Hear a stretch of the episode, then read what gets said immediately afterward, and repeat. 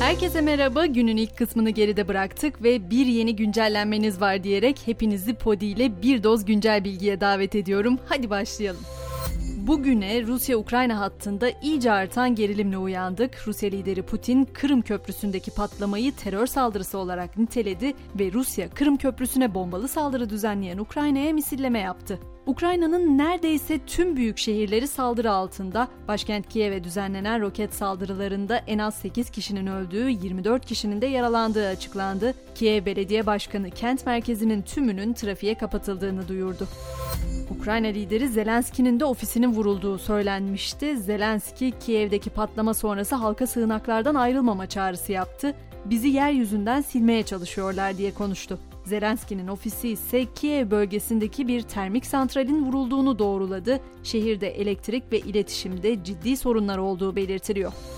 Savaş bölgesindeki genel özet bu şekilde bir patlamada İstanbul Kadıköy'de olmuştu dün akşam. Hemen ondan da söz edelim. Fikirtepe'de bir binada meydana gelen ve ikisi çocuk 3 kişinin yaşamını yitirdiği patlamanın nedeni konusunda tartışmalar çok doğalgaz patlaması mı değil mi diye pek çok tartışma olmuştu ama son bilgi patlamaya ilişkin İstanbul Cumhuriyet Başsavcılığı Terör Suçları Soruşturma Bürosu tarafından soruşturma başlatıldığı yönünde.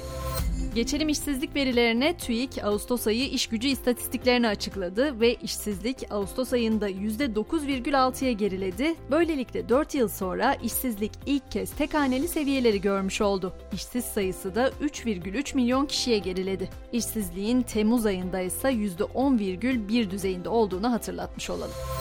Yine peş peşe iki haberle ağzından bal damlıyor Gizem diyeceksiniz biliyorum ama aktarmak durumundayım çünkü motorine bu gece yarısından itibaren yine 1 lira 39 kuruşluk yeni bir zam geliyor.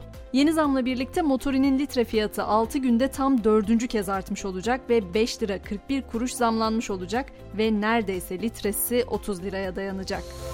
Peki biz bu zamlara daha nasıl dayanacağız diye soruyorsunuz biliyorum. Çünkü Türkiye Şeker Fabrikaları da şeker fiyatlarına %8 zam yaptı. Türk Şeker'in kilogram başına 15 liradan verdiği şekerin fiyatı 16 lira 20 kuruşa yükseldi. Söz konusu fiyatlara KDV'nin dahil olmadığını da hatırlatmak isterim. Yunanistan'la son dönemde bolca gerilim konuşuyoruz ama bu sefer başka bir haber aktaracağım. İzmir'den Selanik'e, Selanik'ten İzmir'e feribot seferleri başlıyor bugün. İlk sefer saat 17'de Selanik'ten İzmir'e yapılacak. Seferlerin 12-13 saat arasında sürmesi bekleniyor. Peki biletler ne kadar gizem diyorsunuz biliyorum. Biletler ise 1465 liradan başlıyor. Şimdi biraz uzaklara gidelim Avustralya'ya. Orada iklim aktivistleri bir eylem gerçekleştirdi. Picasso'nun Kore'de katliam tablosuna ellerini yapıştırarak eylem yaptılar. Eylemde iklim kaosu eşittir savaş ve kıtlık yazan bir pankart yer aldı. O sloganlar sosyal medyada oldukça dikkat çekti. Hiç güzel haberin yok mu diyenler için de elbette var. Uzayda üretilen retina körlüğü tedavi edebilir. Bu ne demek? Uluslararası Uzay İstasyonu'nda yapılan bir deney yapay retinaların mikro yer çekiminde üretildiğinde daha etkili olduğunu ortaya çıkardı. Bu sonuç önde gelen körlük nedenlerinden bazılarının tedavisi için umut kaynağı demek oluyor. Biliyorsunuz Avrupa'dan da sık sık enerji krizi haberleri veriyorum ama bu sefer dikkat çekici farklı bir konu var. İskoçya'nın Glasgow kentindeki bir mekan dans pistindeki insanların vücut ısısını kullanarak yenilenebilir enerji üreten bir teknoloji kullanmaya başladı. İşletme doğal gaz kullanımını tamamen bırakarak karbon emisyonlarını yıllık 70 ton değerinde azaltmayı hedefliyor.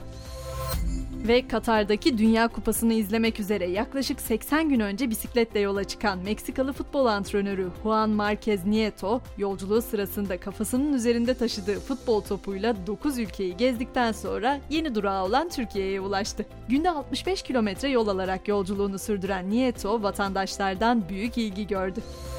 Biz de böylece spor gündemine geçiş yapmış olalım. A futbol takımımızın da yer alacağı 2024 Avrupa Şampiyonası yani Euro 2024 elemelerinde grup kura çekimi yapıldı ve Türkiye'nin turnuvadaki rakipleri belli oldu. Buna göre D grubunda yer alan Türkiye'nin rakipleri Hırvatistan, Galler, Ermenistan ve Letonya.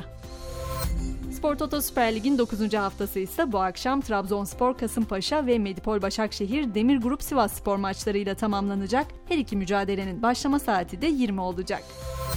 Podi ile öğle güncellenmesinin burada sonuna geldik ama akşam saatlerinde yine buluşalım. Bugün neler konuştuk hepsini gözden geçirelim. Görüşmek üzere.